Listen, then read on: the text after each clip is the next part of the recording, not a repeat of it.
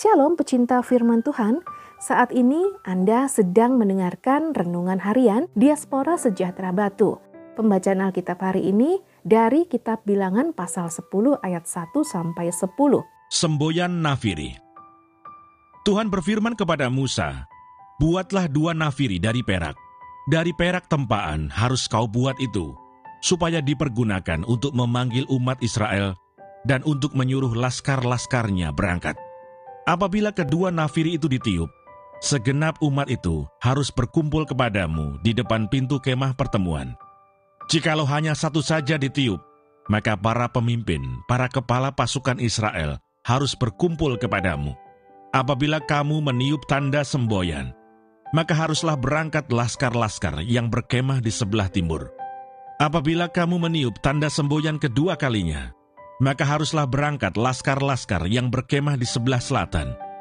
Jadi tanda semboyan harus ditiup untuk menyuruh mereka berangkat. Tetapi untuk menyuruh jemaah itu berkumpul, kamu harus meniup saja tanpa memberi tanda semboyan.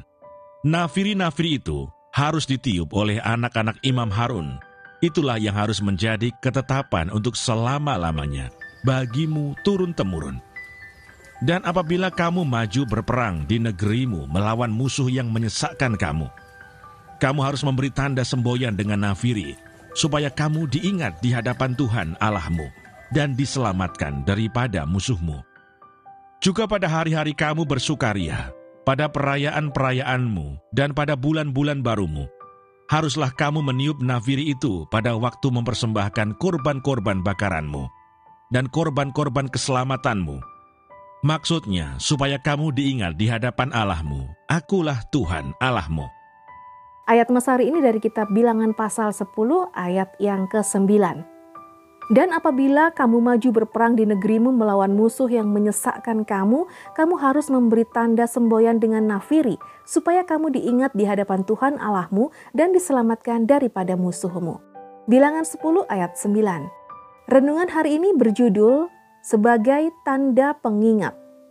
Lupa merupakan salah satu masalah yang dihadapi oleh semua orang. Walaupun terkadang ada orang yang dengan sengaja menggunakan kata lupa sebagai alasan untuk menghindari suatu masalah atau menghindari konsekuensi tertentu. Untuk menghindari lupa, maka beberapa orang membuat suatu pengingat yang bentuknya bermacam-macam. Lupa memang perkara yang sederhana, tetapi pada bagian tertentu dapat mengakibatkan dampak yang besar dan merugikan banyak pihak. Demikian juga dalam kehidupan bangsa Israel di dalam Tuhan. Mereka diberi peringatan oleh Allah untuk menghindari kata lupa, yaitu lupa kepada Allah yang telah menuntun mereka keluar dari Mesir dengan meniup trompet.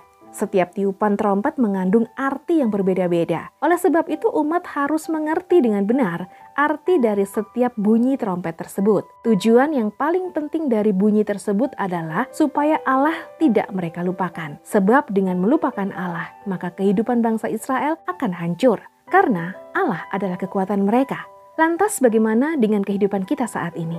Apakah yang kita gunakan sebagai tanda pengingat bahwa Tuhan selalu berada di dalam hidup kita?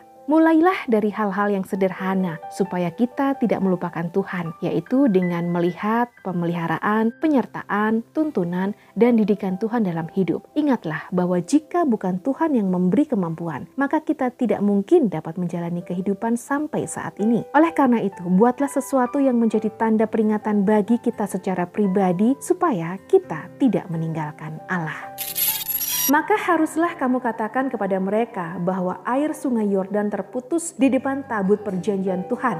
Ketika tabut itu menyeberangi sungai Yordan, air sungai Yordan itu terputus. Sebab itu batu-batu ini akan menjadi tanda peringatan bagi orang Israel untuk selama-lamanya. Yosua 4 ayat 7, Tuhan Yesus memberkati.